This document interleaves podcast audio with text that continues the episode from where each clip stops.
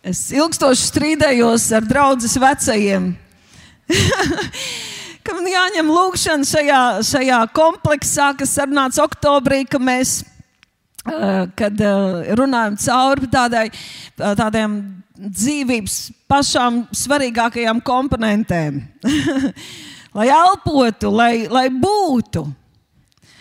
Un viņi man teica, tev jārunā par lūgšanu. Es teicu, nē, tas nav iespējams. Kā iespējams runāt par lūgšanu? 40 minūtēs. Kā tas ir iespējams? es, es nevaru iedomāties. Un tad, kad es vēl sapratu, ka tā vēl ir atvērta durvju diena, ka kāds varbūt būs paņēmis līdzi savu draugu, Es skrēju pie mācītāja un teicu, nē, padomā, man ir jāizdedzina vecie, jāpalīdz jaunajiem sākt lūgt, un vēl jāpaskaidro tiem, kas pirmo reizi varbūt dzirdēs par lūgšanu. Nē, dariet to paši, tas nav iespējams. Bet tur nu es esmu. Tāpēc, ka ne jau, ne jau man tas jāizdomā. Slavu Jēzum! Nu, tad sāksim ar to, ka Jāņa 13. Evanģēlijā, uh, nodaļā, 13. evanģēlijā jau iet labi. Jāņa, Jāņa evanģēlijā 13. nodaļā Jēzus zinādams, kad viņa tā ciešanas sāpīgākais laiks ir klāts zinādams, kas notiks pēc tam, zinādams, ka viņš kā no tēva nācis, atkal atgriezīsies pie tēva, varenais dievs, pie cilvēkiem. Visu to zinādams, viņš dara kaut ko pašu pēdējo, kaut ko svarīgāku. Un es domāju, tādā brīdī. Es iedomājos, ja es zinātu, ka viss, es šos cilvēkus dzīvē vairāk neredzēšu, tad taču tu vēl centies nu, kaut ko, kaut ko svarīgāko pateikt. Kaut kādā mērā arī par sevi. Tu jau domā, tur ir tāda vētra tevī. Mēs zinām, Jēzus bija Dieva gribā, Jēzus dzirdēja Dievu. Un ko viņš dara? Ko dara Dievs? Esot miesā pie mācekļiem. Ir teikts, viņš noliek virsdrēbes, apsien priekšautu, aiziet, paņem kādu mazgājumu trauku piepilda ar ūdeni. Es nepievērsīšos tiem smalkumiem, vēsturiskiem, kāpēc tuvajos austrumos notika šī kāju mazgāšana. Pats var iedomāties, parasti to darīja vai nu kalpi, vai nama saimnieks parādīja kaut kādu īpašu godu. Šoreiz tas nebija noticis. Varbūt. Un Jēzus aiziet un mācekļi skatās, ko viņš dara. Praktiski rīkojas. Paņem ūdeni un sāk mazgāt mācekļiem kājas noliecas, un maz, viņi nesēdēja uz krēsliem.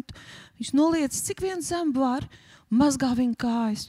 Nav teikts par pārējiem mācekļiem, bet tuvojoties Pēterim. Un interesanti, ka Jānis apraksta par Pēteru. Jānis uzsver savu īpašo privilēģiju un stāsta tāds. Un ir teikts, ka Pēters, viņš parauj savus kājas apakšā zem drēbēm, pievelk savu klāt. Un es domāju, ka viņš tāds ekstraverts būdams, gandrīz vai kliedz, ne mūžam, tu man kājas nemazgāsi. Tu, Dieva dēls! Man ir nojausma, kas tu esi. Es, viņš varbūt nesaprata, kas stāv Jēzum priekšā. Tu man mazgās tagad kājas. Un ja es viņam atbildu, ja es tevi nemazgāšu, ja, e, ja tu neļaus man sev mazgāt, tev nebūs daļas pie manis. Un šeit, mīļie, šeit mums ikvienam sākas attiecības ar Dievu. Šajā brīdī sākas cilvēka attiecības ar Dievu. Kaut kas īpašs, kaut kas brīnumains. Kad Jēzus mums kalpo, Viņš mūs mazgā. Latvieši vai cilvēki bieži vien saka, man vecmāmiņa ticēja, man mamma ticēja, un es arī ticu Dievam. Es arī ticu kaut kam augstākam. Bet, zinot, Bībele saka, arī vēlns tic, bet viņš drēb, bailēs no tiesas dienas un ārdās aizvien uh, spēcīgāk. Bet Dievs nav paredzējis, Dievs nevēlas, lai cilvēks baidītos no Dieva. Cilvēks nav tāpēc radīts, lai viņš dzīvotu bailēs no rītdienas, bailēs no slimībām, bailēs no kataklizmām, bailēs no nāves, bailēs no ciešanām. Dievs neradīja cilvēku bailēm. Dievs radīja cilvēku mīlestībai. Dievs radīja cilvēku attiecībām ir kādi kristīgi zinātnieki, kas pētot cilvēku, viņu nervu sistēmu, viņu uzbūvi. Saka, ka patiesībā cilvēks ir tiešām radīts, lai viņš dzīvotu mīlestības vidē. Tad viņš vislabāk uzplaukst kā zieds. Tāpēc pats Dievs izdarīja visu, kad cilvēks izvēlējās pagriezt dievam muguru. Viņš izdarīja visu, nomira pie krusta mūsu vietā, lai šīs attiecības tiktu atjaunotas. Tā ir viena reize, konkrēta diena, konkrēta satikšanās, konkrēts akts vai notikums, kad mēs piedzimstam no augšas. Tas tā kā bērns. Viņš nevar desmit reizes dzimt, viņš piedzimst un dzīvo. Tieši tāpat pestīšana, satikšanās ar Jēzu ir sākums. Viņš mūs nomazgā, mēs pieņēmām pestīšanu, mēs esam glābti un mēs sākam dzīvot. Ik viens no mums, mums ir šī konkrētā diena, mums ir zināšana, ka cilvēks piedzimst no augšas, viņā ir liecība, viņā ir zināšana. Šodien es kļuvu par Dieva bērnu. Dievs ir mans kungs, Jēzus ir mans glābējs. Tu zini, Un atceries sevi, Daiga liecināja par savu pestīšanu pirms daudziem, daudziem gadiem. Iet gadi, un mēs aizmirstam kādreiz to brīdi, kā tas bija, kad man to gribas salīdzināt, un bukletos mēs likām to zīmējumu, kad iedomājamies tādu milzīgu, milzīgu cēlu zīvi. Tādu, nu, es nezinu, vai pat delfīnu vai vāli var salīdzināt ar, ar zīvi, tad, kas tā, viņš ir paredzēts peldētais plašajos ūdeņos, vai, vai ērgli, vai, vai lauvu, kam jā, jāskraida pa brīvajām prērijām. Bet viņš ir turēts važās, viņš ir turēts mazā būrī, viņš ir barots ar atkritumiem. Un mēs meklējām internetā, bet ātrumā nevarējām atrast, kā jūtas tāds dzīvnieks, kad pēkšņi viņš tiek palaists brīvībā. Tas viss ir viņa. Tā kā Ādams un Ieva, tikai viņi nebija grēkojuši, viņiem nebija tas sliktais process pirms tam. Viņi nu atradās, un Dievs teica, tas viss ir jūsu. Apsaimniekojiet to. Es uh, vienu tādu video gribētu parādīt. Mēs paskatīsimies šo ērgli, ka viņš atrodas lidojumā. Tā lūkšanas pasaule sadraudzības pasauli ar Dievu. Es sāku elpot, es sāku lidot, mans pārni atbrīvojas, es esmu paredzēts tālēm, brīvībai. Man jādzīvo augstumos, mans dievbijības gars. Es, es apzinos to savu, vēlreiz tas pats vienkārši mēs paskatāmies, es apzinos savu esmi. Dievā es atrodu beidzot sevi, es satiekos ar sevi. Un mūsos ir kliedziens, hei, es esmu dzīvs, es varu dzīvot, es varu lidot. Es atceros, kā mans brālis nomocījies bez dieva, nomocīts no grēka. Kad viņš piedzīvoja Jēzu, viņš teica, hei, es beidzot ieraudzīju zāli, ir zāle zaļa un debesis ir zilas. Un šodien man tēma ir lūkšana, un tā mēs stāvam it kā. Lai laistos šajās attiecībās, jo jebkāda veida attiecības ar Dievu, sadraudzības un sadarbības attiecības, mēs varam teikt, tā ir lūkšana. Un mēs te nu esam. Un, zinot, man izraisa nesapratni, es kādreiz palieku dusmīgi, kad kāds no mazās grupas vadītājiem vai no kalpotājiem saka, ka Mums vajadzētu kaut kā vēl īpaši, kaut ko darīt svētdienās, kaut ko. Tāpēc, ka manā grupā ļoti daudz cilvēki nemāk lūgt Dievu. Viņi nelūdz. Viņi neprot lūgt. Un es nerunāju par tādiem mēnešiem, trīs, piecus, tādiem, kas ir gadu, divus, trīs, kas regulāri apmeklē, apmeklē svētdienas dievkalpojumus, bet viņi nedroši lūgšanā, viņi, viņi nemāk lūgt, viņi, viņi nelūdz. Kaut ko darām. Un tad es saku, paga, paga, paga. Mums taču ir pamatmācības, mums taču ir Bībeles skola, mums ir materiāli, grāmatas, mums ir lūkšanas grupas, mums ir mazās grupas, kur ir uzdevums palīdzēt attīstīt lūkšanu. Bet pirmkārt, es nevaru saprast vienu. Ja, kad cilvēks ienāk pasaulē un uzzina, ka ir Dievs, viņš ienāk Dieva pasaulē un uzzina, ka Dievs viņu ir radījis. Un viņš sāk saprast, ka viņš ir atkarīgs no Dieva. Ka Dievs ir paredzējis, ka viņam ir plāns priekš manis, ka viņam ir palīdzība, glābšana. Un man apkārt ir tik daudz vajadzības. Vai tad viena no pirmām lietām nebūs tā, ka es centīšos pirmais iepazīt Dievu, uzzināt par viņu no viņa vārda, izmantot visu, ko var, arī ko draudzes piedāvā, lai nostiprinātos, lai saprastu, lai atjaunotos. Un tad, lai arī mācītos par lūgšanu, par ticību, kā lūgt, kā pareizi lūgt, kā Dievs grib, lai es lūdzu, kas ir lūgšana. Mēs redzam, ērglim jau dabīgi ir iekšā šis, šis instinkts. Lūkšana ir, ka mēs piedzimstam no Dieva. Tas ir kā zieds. Viņš dabīgi veras pretī saulē. Tas ir tik dabiski. Un tomēr mums taču gribas kaut ko saprast. Tāpēc uh, es pateicos Dievam, mums tiešām ir šīs pamatmācības. Arī šobrīd sākas jaunā, jaunā grupa atkal. Es lūdzu, lai uzliek Bībeles skolas. Uh, tēmas, kāds viņš šogad būs. Bībeles skola sāksies, manuprāt, ar 14. vai 16. Um, mm, janvāri. Un būs tikai pirmdienās, otrdienās no 6 līdz 9. Cik 23 tēmas, 23 dienās. Tas ir tāds vi, kārtīgi galvas sakārtošana, dvēseles sakārtošana un vitamīnu deva, lai atkal dzīvotu, ejot jaunajā gadā. Mēs mazliet pārkārtojām to, to kārtību, bet mēs mācīsimies pirmkārt, kas ir Dievs. Dieva raksturs, trīsvienība, kas ir Jēzus, vārds spēks, svētais gars, kas ir cilvēks, viņa gars, dvēsele, miesa, kā tās funkcionē, domas, domas spēks, iztēle, vārdu spēks, glābšanas paketē, kas ietilps. Tur ir tik daudz bagātības, kādas ir tās iespējas jaunā radījuma, kad mēs tagad esam, kas mums ir dots, kā to lietot un kāda ir tā mūsu dzīves jēga. Un to visu mēs varam apgūt 23 dienās.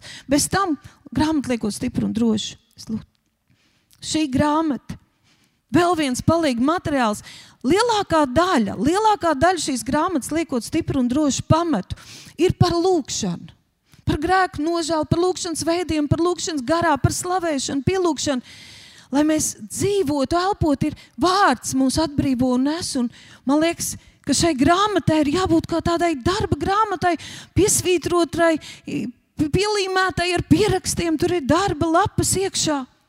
Kad es pie viņas strādāju, te pāris tēmas ir arī Anārs Kubiņš sarakstījis. Man doma vispār par viņu bija, ka būs laiks, kad cilvēkiem būs daudz mazāk laika uh, mācīties. Izlasīt visu Bībeli, lai saprastu, sagaidīt Bībeles skolu, viņiem vajadzēs ātrāk. Un tāpēc, jau domājot par priekšdienām, mēs izdevām šo grāmatu.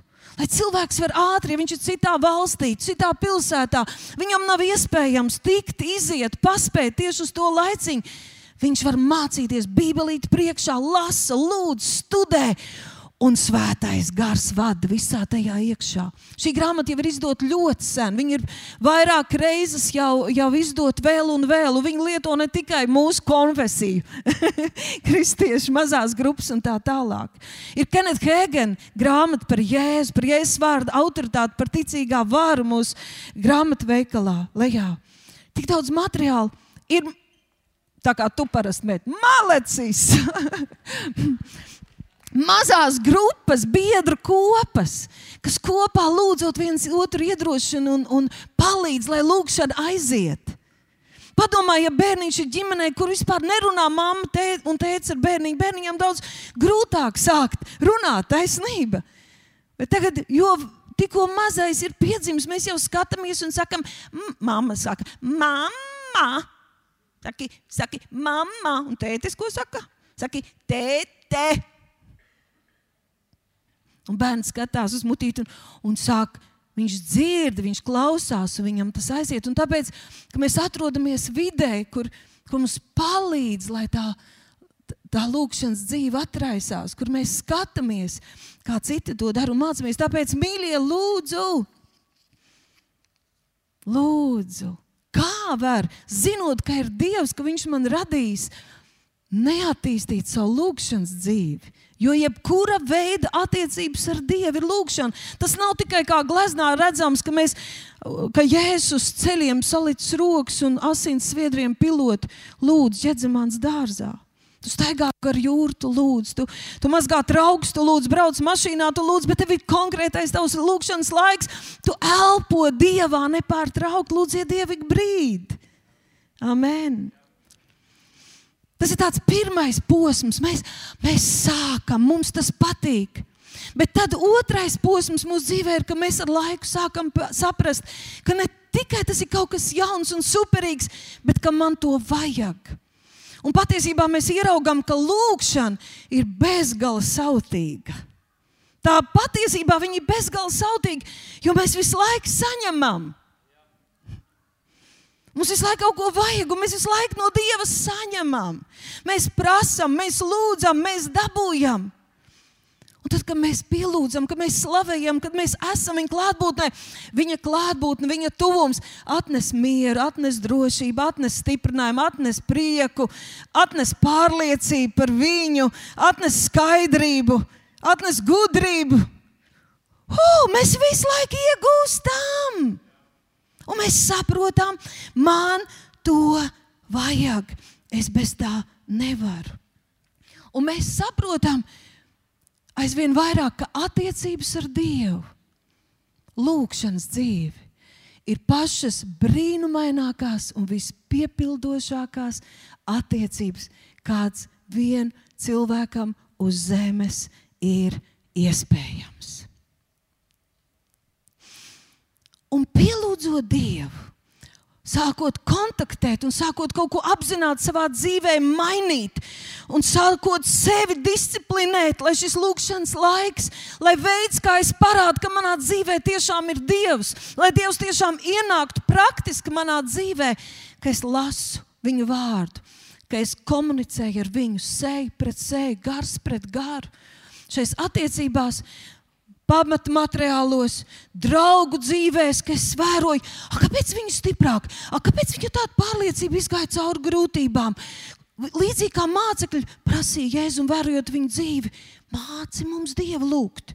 Tā mēs pienākam pie brīža, kad skatāmies, hei, hei pastāsti par to, par to sakni, pastāsti par to upes gultni, pastāsti par tām savām attiecībām ar Dievu. Man nepietiek tikai, ka es pleverēju no emocijām, no sajūtām, ka es tikai tad, kad man ir laiks un es labi jūtos, es kaut ko pasaku Dievam. Es redzu, ka tev ir kaut kāda stabila, pārliecināta, augšupejoša, droša, spēcīga dzīve, neatkarīga no apstākļiem. Pamāci man! Un mēs mācām, stāstam par savām attiecībām ar Dievu, stāstam par lūgšanu. Un pirmā lieta, ko mēs tad uzzināsim, un mūsu sirds tam simtprocentīgi atsauksies, un vārds uz to vedīs, ka lūkšana, kā attiecības ar Dievu, mēs sākam ar pateicību. Ka mēs sākam ar pateicību, un tas nozīmē ievērot, novērtēt, apstāties un pateikt Dievam paldies. Un vienmēr mēs tā attiecamies, un tā mēs nākam lūkšanā. Paldies Tev!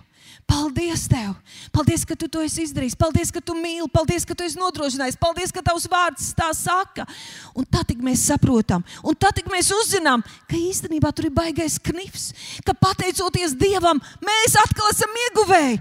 Jo pateicība atver durvis uz Dieva sirdi. Pateicība pavairo piecas maijas un pabaro piecus tūkstošus. Pateicībā ir milzīgs spēks. Pateicība, pateicīgs nozīmē atrasties žēlastībā. Pateicīgs nozīmē svētīts, pretējs tam ir net, nepateicīgs, kurnētājs, grēcīgs, netīrs. Mēs to negribam. Pateicīgs. Un šādi nākot pie Dieva, mēs kaut kā manām, un citi sāk teikt, hei, ko tu tāds laimīgāks esi palicis? Ko tu tāds pārliecinātāks esi palicis? Tev raksturs ir mainījies. Tu vairs neesi, neesi īņķis ņurga, kas visā saskat tikai slikto. Bet tu esi klausījis svētam garam un dievu vārdam. Tu esi lietojis šo laimes atslēdziņu, tu esi atraisījis pateicības spēku, mainījies pats. Tu sāc redzēt sevi, savu pasauli un cilvēku ap sevi savādāk. Hei! Tad, kad mēs to darām, mēs nonākam pie nākamā. Un svētais gars mums māca slavēt Dievu, godināt Dievu. Tas nevienmēr obligāti ir tikai konkrētās dziesmās. Mēs bijām nesen kādā, kādā sanāksmē, kur bija vadītāji sanākuši. Un, uh, ne, bija tāda apstākļa, ka mēs ar vienu nevarējām palikt līdz beigām. Un es teicu, tai vadītājai, ka mums jāsteidzas projām, ka mums uh, nu, tur ir kaut kāda iemesla. Un viņa saķēra man aiz rokas, tvēra pēc manas vīra un teica, lūdzu, lūdzu nogaidiet, kamēr vēl tas cilvēks tūlīt pabeigs. Es teicu, bet viņš noteikti gar runās. Nē, lūdzu, es, es galvoju, ka tas būs īsti neaizskrienat, jo es gribu jums pateikties. Un es teicu, bet. Jūs, jūs jau to izdarījāt. Paldies, viss kārtībā. Viņš saka, nē, es gribu mācīties pagodināt. Un, un viņi nogaidīja, kamēr tas beidzās. Tas cilvēks beidz runāt, viņi pārtrauc visu. Pateica tādu situāciju, ka mēs steidzamies projām, nostājās visu priekšā. Un it sevišķi mācītājiem pateica tāds liels, lielu paldies un izstāstīja situāciju. Un viņi pagodināja viņu. Viņi teica, es gribu jūs pagodināt. Tas, nu, tas ļoti sasaistījās ar to, ka slavēšana nav tikai, ka mēs draudzē visi kopā sanākuši draudzīgi dziedam. Halleluja! Mums pašiem patīk, šī tā man nepatīk, šī to es nedziedāšu. Tagad es nejūtos. Kāpēc šī to dziesmu šoreiz izvēlējās? Godināt Dievu, slavēt Dievu. Tas ir arī tādās situācijās, ka tu kaut ko pārtrauc, kaut kur iejaucies, lai dotu Dievam godu, lai pastāstītu par viņu ko viņš ir izdarījis, lai svinētu uzvaru viesības savus pavērst tā to dzimeni, ka viss gods aizgāja viņam. Un tu zini, mēs steidzāmies ārā. Un man tajā brīdī, kad viņi saķēra, liekas, nu, pateic mums, mēs sapratām, paldies. Nevajag, nevajag šito. Bet, viņi to izdarīja, mēs gāj, gājām prom, mēs jutāmies labi. Mēs jutāmies novērtēti. Un man, es biju lepna par savu vīru un pateicīga Dievam kad viņš atsaucās un rīkojās pareizi. Bet tas kaut ko nozīmē par šo vadītāju, par šo cilvēku. Es gribu mācīties pagodināt, es gribu mācīties pateikties. Jā. Tāds ir, kad mēs Dievam pateicamies, kad mēs viņu pagodinām. Un arī attiecībā par slavēšanu, mīļie, pat te, kad mēs šeit esam sanākuši.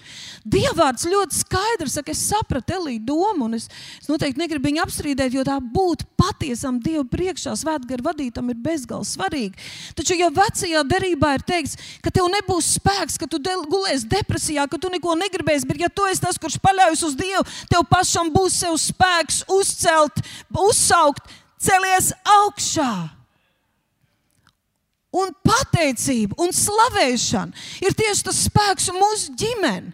Visus šos gadus ir piedzīvojuši šo pateicības un slavēšanas spēku, kad mēs it kā dodam dievam, bet tai pašā laikā tik proporcionāli, negodīgi daudz, neizsakām daudz, saņemam mēs paši.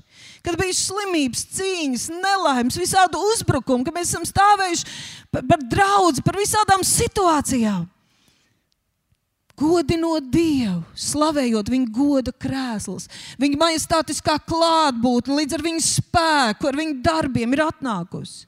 Es esmu daudzreiz jums stāstījusi, bet ir situācijas, ka mēs nelūdzam neko. Tas ir viens teikums, jo mēs zinām, kāda ir Dieva griba. Bet, lai atnāktu Dieva klātbūtne, mēs vienkārši slavējam, slavējam, slavējam, slavējam, pa priekšu izslavējam cauri šitai kastītei kad vairs nedzied tikai dziesmas, bet tiešām jau slavēja. Un gal galā jau vecā derībā ir teikts, nav teikts, ka uh, dzied ar savām sajūtām, slavē Dievu pēc savas patikas. Ir teikts, ka visi, kam dvāša, jums būs slavēt to kungu. Slavēt to kungu, tas nozīmē sākt elpot. Jo, kad tu sāc slavēt Dievu, tavs gars, tavu dvēseli paceļas pretī Dievam, viņa klātbūtne atnāk tavā dzīvē. Tā ir Dieva pavēle. Vai viņam to vajag? Mums. Un vai tu esi ekstraverts vai introverts? Slavēšana ļoti stingri saka. Priecājies, lēkā, plaukšķini, dejo, griezies apkārt, skraidi, izpaudi savu prieku un mīlestību ar savu garu, dvēseli un miesu. Dari to skaļi, dari to skaļi. Dievs ir cienīgs vienkārši par to, vien, ka Viņš ir. Halleluja! Un tad ir trešais posms. Tad ir trešais posms visas dzīves garumā, ko es atkal nesen piedzīvoju nu jau gandrīz 40 gadus esot Dieva bērns. Un pati vairāk kā 28 gadus, jo draugs jums nesākās tikai no reģistrācijas, mācot par lūgšanu. Es kādu rītu, ka vīrs jau bija projām kaut ko darījis mājās, un pie sevis vienkārši tā padomāju, uzdevu sev jautājumu, kā man atbildēt cilvēkam, kurš man uzdod jautājumu, kāpēc man pielūgt Dievu? Tas ir trešā lieta pateikties, slavēt, pielūgt. Kāpēc jāpielūdz Dievs? Kāpēc Dievam to vajag, lai es viņu pielūdzu? Un jūs zinat, un pēkšņi kā, es tikai domās biju uzdevusi šo jautājumu, kā paskaidrot, kāpēc vajadzētu pielūgt Dievu. Un pēkšņi man atvērās tā tāda jauna dimensija vaļā. To nevar izteikt, tā ir atklāsme. Man atvērās jauna dimensija par Dievu. Dievu. Dievs, debesu un zemes radītājs. Un, zinot, es tiešām ar abām rokām saķēru uz galvu. Kādu laiku vienkārši maršoju no istabas koridorā, no istabas koridorā un pusbalsīgi kliedzu. Ārprāts, ārprāts, ārprāts. Es kontaktēju ar pašu Dievu debesu un zemes radītāju, visu vareno, kungu, kungu, ķēniņu, ķēniņu. Ārprāts, man palika bail. Man kādu laiku bija vienkārši šoks, ārprāts. Es pielūdzu pašu Dievu, es pazīstu pašu Dievu. Es drīkstu tuvoties pašam dievam ārprāts. Kad tu atzīsti Dievu atkal un atkal, patiesībā jau cilvēkam, kas ir piedzimis no augšas, nepaceļas šis jautājums, kāpēc man būtu jāpielūdz Dievs. Ja mēs aizvien vairāk, aizvien vairāk no pozīcijas, kad slavējam, kad lūdzam, lai labāk justos, lai drošāk justos, lai kaut ko dabūtu no Dieva, lai Dievs mums palīdzētu. Mēs pārējām procesā, kad mēs viņu pielūdzam, slavējam un mīlam, tāpēc, ka viņu pazīstam, kāds viņš ir. Tāpēc, vien, ka viņš ir Dievs. Tāpēc, ka viņš mani mīl un es mīlu viņu. Mēs viņu pielūdzam un viņam kalpojam. Un tāpēc, mīļie, par pielūgšanu man tāds prieks, ka tā pielūgšana ir draudzē, kopīgi. Un šad un tad pavērās vaļā tā iespēja garā, iet tādā dziļākā pielūgšanā, kas, protams, svētdienas dievkalpojumā ir pagrūti. Bet, mīļie, lūdzu, atcerēsimies, ka vienkārši skaistu, lēnu, mierīgu dziesmu dziedāšanai nav iti nekas, iti nekas kopīgs ar pielūgšanu. Iti nekas. Pielūgšana ir, kad cilvēks, kurš pirmkārt ir gars, pielūdz un apbrīno Dievu, kurš ir gars. Pielūgšana ir visdziļākās, vispersoniskākās, visbrīnumainākās attiecības, kāds iespējams cilvēkam ar Dievu, kad satiekas gars ar garu, sirds ar sirdi. Mīļie, ja pielūgšanā nesatiekas sirds ar sirdi, Tā nav pielūgšana. Tad tā ir dziesmu dziedāšana. Bet pielūgšanā, un tas sākas no pateicības, tas sākas no pirmā solīša, kad sākam elpot.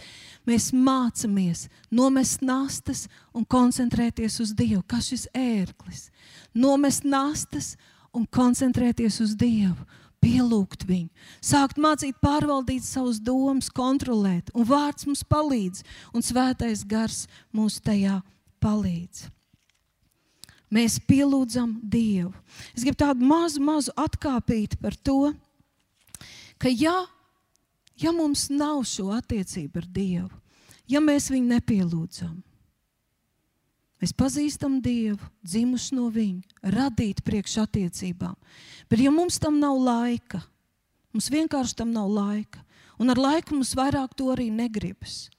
Tad ar mums notiek līdzīgi kā Pāvils Romiešu vēstulē raksta pirmajā nodaļā, ka pazīdam Dievu, viņi to nav turējuši godā kā Dievu, nav viņiem, viņam pateikušies, un tāpēc krituši nīcības gūstā. Savā domās, attieksmē, dzīvē mēs krītam atpakaļ un kļūstam daudzās lietās līdzīgi bezdieviem.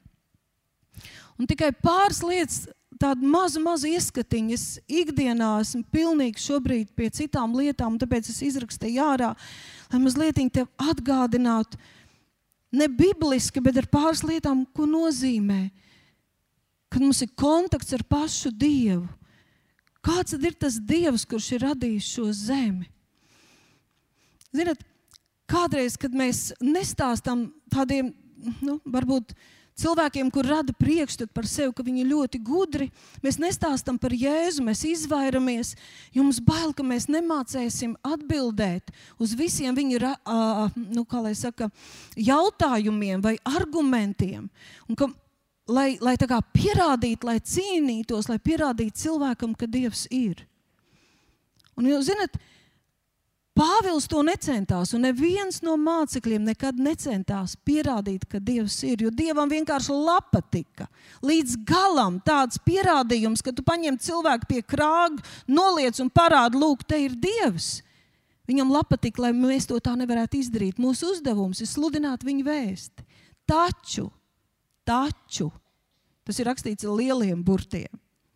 Dievs pats ir parūpējies, lai ik viens cilvēks zinātu, ka viņš ir.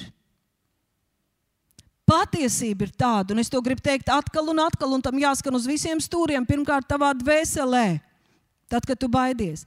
Patiesībā ik viens cilvēks zina, ka Dievs ir. Lai ko viņš neteiktu, lai ko viņš nemuhļītu. Un patiesībā vajag bezgalīgi lielu ticību un bezgalīgi lielu neprātu. Lai dzīvojot uz šīs zemes, un kaut vai kaut nedaudz pasakojot līdzi visiem zinātnes atklājumiem, bioloģijā, fizikā, ķīmijā, padomājiet, gadsimtos aizvien vairāk ats, ats, visas spējas, iespējas, miljardīgi lietot, lai izpētītu ko? Gēnu, šūnu, kaut ko no visuma jau esoša. Un katrs atklājums, katrs atklājums, ir sevišķi viss pēdējais šobrīd bioloģijā, ko viņi atklāja? Ko viņi atklāja? nosauc vārdā, nosauc saviem vārdiem, jau nodibinātu, jau no paša iesākuma eksistējošu kārtību, likumību, neizpētām, neaptveram brīnumu, kaut vai viens DNS, kaut vai viena šūna. Un tad tie, kas grib pierādīt, ka tas ir radīts no sprādziena, tur vajag būt tik tik neprātīgam, tik akli ticēt, ka kaut kas tāds ir iespējams. Tā pašā laikā es nezinu, kā viņi tiek galā ar savu sirdsapziņu. Jo zinat, kur ir, ir, ir tā problēma, kāpēc kristietis var sākt līdzināties tiem bezdieviem, kas grib pierādīt, ka dievam nav, ielikt dieva gudrību, dieva doto ticību, lai pierādītu, ka dieva nav. Tas, ka mēs, nu, teiksim tā, mēs pētām jūras viļņu radītās putas, izsvītrojot to, ka pastāv jūra. Un cenšamies saprast, kā šīs putas veidojas. Kas tas par spēku? Bet nedrīkst atzīt, ka ir jūra.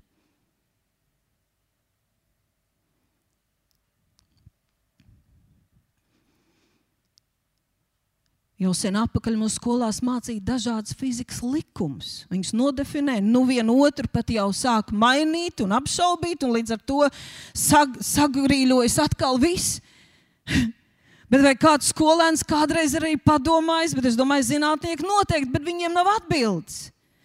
Mēs atklājot ar gadu simtiem, atklājam atkal jaunu fizikas likumu, likumsakarību kas ir tik smalki saistīti līdz turpat tās. Ja bišķiņ pa karstu vai bišķiņ pa augstu, ja bišķiņ slīpāk, bišķiņ tālāk, ja mēs, tad viss būtu kā putne, nekas no tā neeksistētu. Viss ir tik precīzi. Tas viss tā darbojas ar tādu spēku. Bet kas? Kur tie fizikas likumi radās pašā sākumā? Nu, izmet papīru, kuru gaisā. Nu, pamēģini, lai sakārtojas vismaz tavā iecerē. Es neiedziļināšos, te man te bija izrakstīts konkrētas lietas, bet tas bija tik forši. Mēs staigājāmies, nē, braucām ar mazo mazmeitiņu mājās, saulīt rietēji.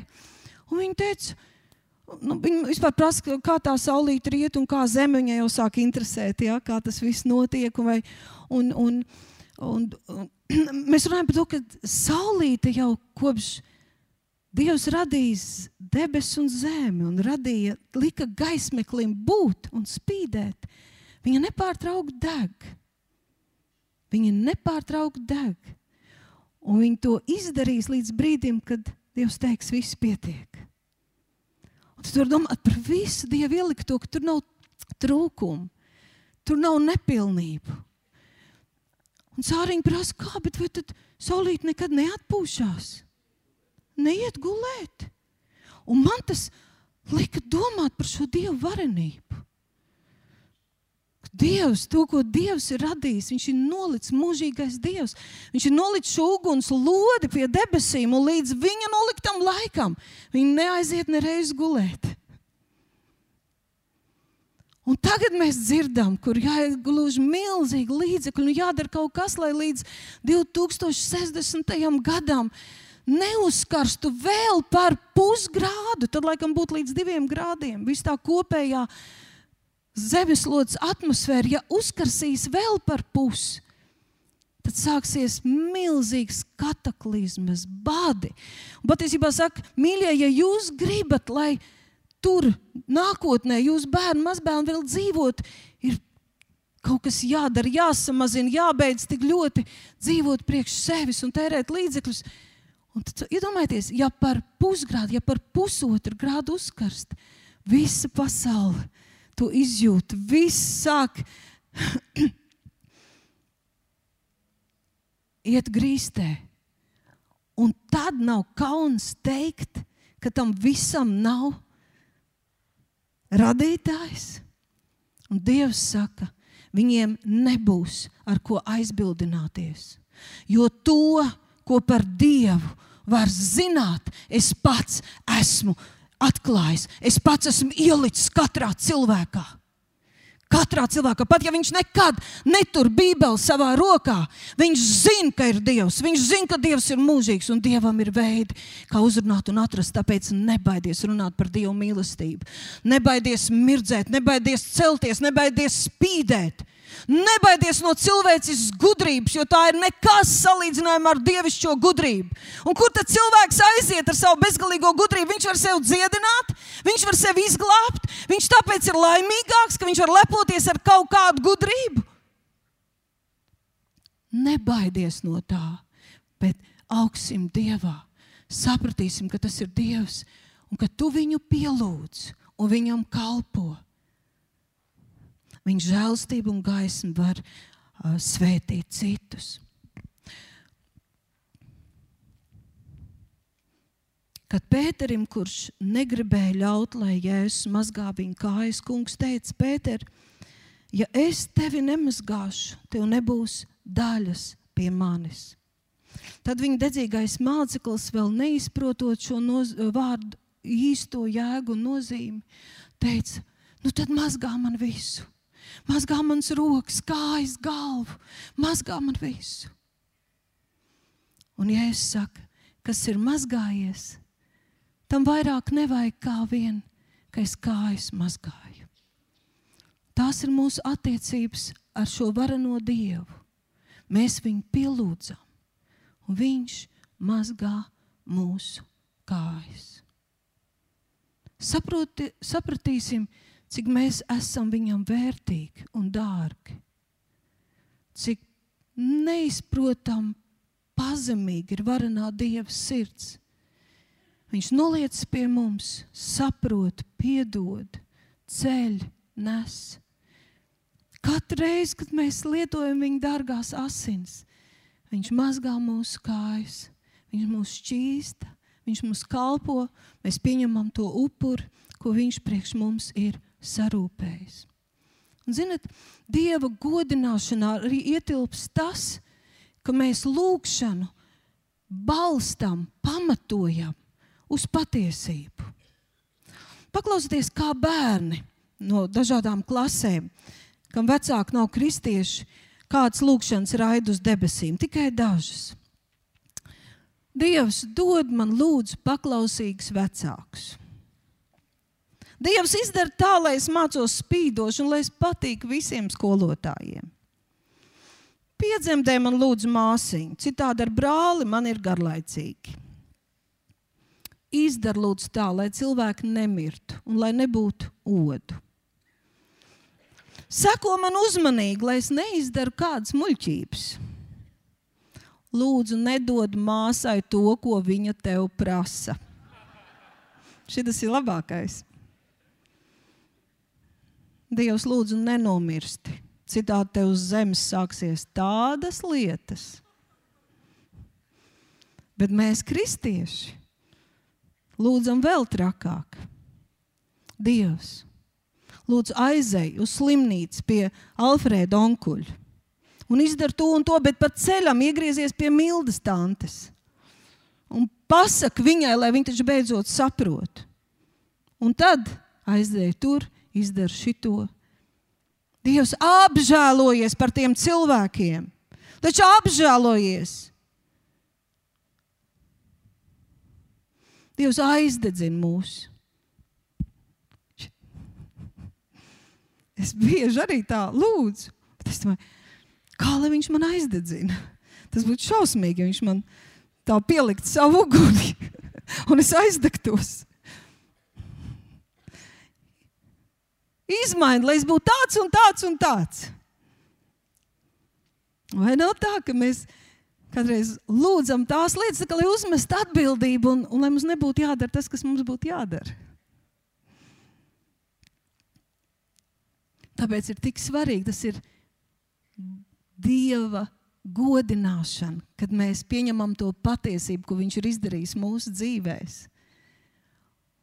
Un mūsu lūgšana balstās uz viņa vārda principiem un pamatiem. Mēs tos pieņemam, mēs tos ticam. Un mēs neesam kā tie cilvēki, kuri cenšas izskaidrot putas, aizliedzot to, ka ir jūra. Jo redzat, arī mēs, kristieši, savā lūkšanā, ja mēs neizejam no tā, ka es esmu iepazinusi Dievu, šeit ir Dievs, centrā ir Dievs un tas, kā viņš saka, tā ir patiesība. Bet, ja es, kristiet, būdams savā ticības dzīvē, esmu kā ārpus tur un klausos, kas viss notiek, ko stāsta cilvēki, padomā, pat varbūt kāda ir kādu vārdu, un gal galā tik daudz kopiju pēst, viens uz otru atsaucoties, kas pa skolu ir apakšā, kas pa teoloģiju, kāda ticība, kam ir apakšā tai zinātnē, kur tas cilvēks ir studējis un mācījies. Tur jau ir konkrēti kaut kāda ideja. Un tagad tu to klausies, un tad no šī stāvokļa tu nāc pie Dieva un saki simto reizi, pierādi, ka tu esi. Pierādi, ka tavs vārds ir patiesa. Es atkal šaubos, es atkal tev neticu, man galva atkal pilna. Onkulis teica, to es salasījos, to tam notika tā.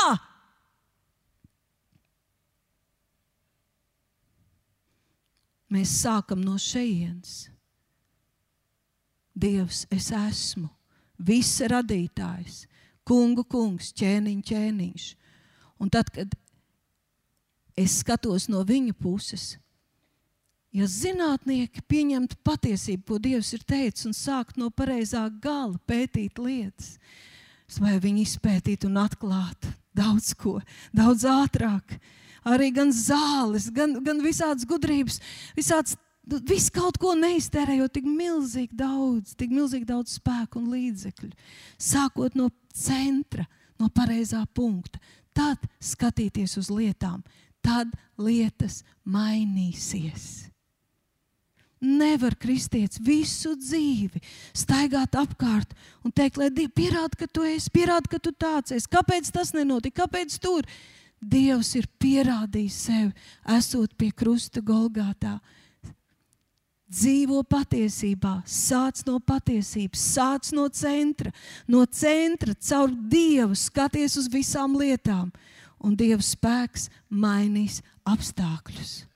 Halleluja! Slavu Jēzum! Uh, lūkšana mums ir svarīga. Un no Dieva vārda, kad mēs zinām Dievu gribu un ticam tam, mums nāk pārliecība, kas ir ticība. Dievs grib, lai tad, kad mēs lūdzam, lai mēs arī saņemam, lai mūsu e, lūgšanas būtu efektīvas. Tad, kad jau ir runa par konkrētām lūgšanām, par aizlūgšanām, par ticības lūgšanām, Dievs grib, lai tās būtu konkrētas, lai mēs nākot ārā, lai mēs saņemtu. Un kādreiz ir vajadzīgs daudz ilgāks laiks, lai mēs saprastu Dievu gribu un izkalot smadzenes un saņemtu apsolījumu Nevis tur stundām lūgt, un lūgt, un lūgt, un aiziet tādi nopuņķojušies, tā arī nezinot. Nesot pārliecināti, ka mums kaut kas ir. Un man vēl ir uh, viens skats, skaists par ērgli. Un mēs redzētu, ka viņi ļoti labi atgādina, ko nozīmē ticības lūkšana. Pastieties, cik precīzi no augstumiem viņš paņems savu vajadzību un laidīsies tālāk.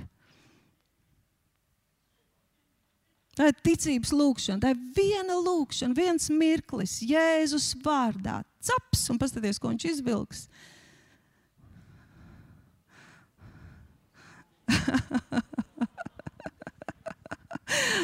Makšķernieki sajūsmā. Nav vēl iztērēts laiks. Viņš ir skatījies, viņš ir pētījis augstumos. Tā ir asa redze, asknābis spēcīgs tvēriens, tā ir ticība, saps un aiziet augšā, nemiņāties pa mēsliem, pa tumsu, pa grēkiem, pa spriedelēšanām. Dievs tā teica, es tam ticu, un tas atrisina visu. Ja Dievs ir, ja Dievs tiešām ir, tad nevar visu dzīvi apspriedelēt viņa esmi. Tad jāsāk no centra. Un jādod viņam gods. Viņa spēks mainīs apstākļus. Halleluja!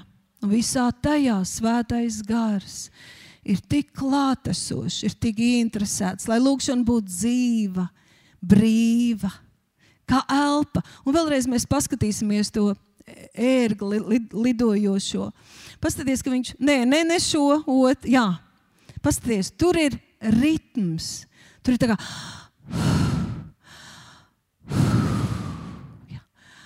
Lūkšana arī ir ritms, tur nav stresa. Mēs nometam nastas, sakārtojam altāri, noliekam upuri, esam Dieva klātbūtnē, meklējam viņu, pielūdzam viņu. Viņa klātbūtne nāk par mums. Nevienmēr mums ir kaut kas jāizsajūt ļoti, bet mēs esam radīti, lai lūgtu tik brīdi, lai atrastos augstienēs, nevis mētātos par zemi, lai pielūgtu savu glābēju. Tas ir tik dabīgi, tik brīvi. Tas tā kā elpot, tā kā garīgi lidot. Jēzus ir mūsos, mūsu grēki ir nomaskāti, mēs piedaram viņam. Viņš grib mums atklāties aizvien vairāk, viņš grib mūs svētīt, mums palīdzēt, un mēs gribam viņam piederēt, viņam kalpot. Un pēdējo, pēdējo materiāliņu tādu rezumē par lūkšanu. Tūlīt jums uzliks. Es sastādīju tādu veselīgu lūkšanas ēdienu karti. Tad, kad ir tas brīdis, kad tu esi lūkšanā, nu kā pro proporcionāli vajadzētu sastāvēt tavai lūkšanai? 35% apmēram ja? vajadzētu būt slavai un pateicībai. Par to, kas viņš ir, ka viņš žēlstība paliek mūžīgi, ka viņš ir uzticams, par, par, par visām labām lietām, ko saka Dieva vārds. Um, Mazās grupas caur vadītājiem saņems materiālu, kā caur Bībeli, caur sarakstiem, dažādi var attīstīt savu lūkšanas dzīvi. Tad ir daļa, ka mēs citējam Dieva vārdu apsolījumus, ka mēs viņus runājam, un ka mēs kā šis ērglis vienkārši caps, paņemam ar pateicību šo vajadzību. Mēs tā kļūst par pateicību Dievu priekšā. Tad noteikti mūsu lūgšanas dzīvē, kā ķēniņiem un priesteriem būtu jābūt arī aizlūgšanas daļai, iestāšanās par citu vajadzībām. Un nobeidzām mēs atkal ar pateicību un pielūgšanu. Un, kad mēs salikām kopā to pirmo un pēdējo, mums sanāk 50% vismaz no mūsu lūgšanas vajadzētu būt šai pateicībai, slavai un pielūgšanai, ko mēs varam gan dziedāt, gan vienkārši runāt, gan klusumā apbrīnot savu Dievu. Pielūdzot viņu, mēs kļūstam viņam līdzīgi. Un visā tajā, zinat, ir cilvēki, varbūt regularitāte ir nepieciešama. Tas ir kā lūkšanas dzīves mugurkauls. Bet regularitātei arī sava bīstamība. Un to var salīdzināt ar tādu vecu laulāto pāri, kur viens no otra tā kā vairs neko negaida. Viss ir zināms. Uzvelk čības, šļop, šļop, šļop, lasam avīzi, šļop, šļop, šļop, kaut ko ēdam, šļop, šļop, šļop. Viņš kaut ko man stāsta, bet es īsti nemaz nedzirdu, šļop, šļop, šļop. Neko vairs negaidu. Visu jau zinu. Tās ir sadraudzība, attiecība traģēdija regularitātē. Kur ir problēma? Ja mēs to vadām vienmēr pa vienu taciņu, pēc ieraduma, un neļaujam svētam garam nākt, atsvaidzināt, darīt to dzīvu un brīnumainu. Tad lūkšanas dzīve vienmēr būs aizraujoša, jo Dievs grib sevi atklāt aizvien vairāk, vairāk un vairāk. Un, zinat, mēs kādreiz pat pasmējamies par to Jāņa 3.16. Nu, kurš gan nezina Jāņa 3.16? Nu, kurš gan nevar pateikt, kas tur ir un pateikt tā būtību? Bet tas arī bija pavisam nesen. Es lasīju Jāņa evanģēlīju. Es nonācu līdz Jāņa 3.16. Un man tas vārds tā ietriecās sirdī, kā elektrības strāvas trieciens. Es lasīju vēl un vēl, raudāju, un nevarēju tikt galā ar savām asarām un emocijām. Slaucīju acis, vai tiešām tā tur rakstīts, vai tiešām tā rakstīts. Tik ļoti, tik ļoti Dievs cilvēkus mīlēja. Tik ļoti Dievs cilvēks mīlēja ka viņš deva savu vienīgo dēlu, lai neviens, tu zini, grib saskatīt cauri asarām. Tur tiešām rakstīts, lai neviens, kas viņam tic, Dievs grib, Dievs ir radījis tā cilvēku, lai viņš spētu ticēt, viņš var noticēt, ja mēs stāstam par Jēzu cilvēks var noticēt. Dievs negrib, ka cilvēki pazust. Viņš grib, lai neviens, kas viņam tic, nepazust. Un es skatos atkal un atkal, tur tiešām tā rakstīts, lai neviens, kas tic, nepazust, lai nepazust, lai nepazust. Wow! Un tas vārds ieliek atkal visus cilvēkus, kas tev ir apkārt, kas nav glābti tavā sirdī. Dievs tik ļoti mīl. Viņš negrib, ka kāds pazust. Viņš tik ļoti mīl, lai neviens nepazust. Tāpēc paldies Dievam par svēto garu, kurš ikvienu ierastu lūgšanu vai zinām rakstu vietu. Vai kā mans vīrs smējās, ha, tu nu tik uzzināji, ka tu kalpo Dievam, ha, ha. Bet, kad svētais gars to paver pa jaunām, dziļāk, wow, mums to vajag visiem, jebkurā sfērā. Dieva dziļums ir kā ēdienas dārzs. Tas ir jāapgūst, tajā jāieiet, tas jālieto. Halleluja! Halleluja! Nobeigsim ar lūgšanu. Mīļais Tēvs, mīļais Tēvs, mīļais Tēvs. Kā lai mēs izprotam Tavu pazemību?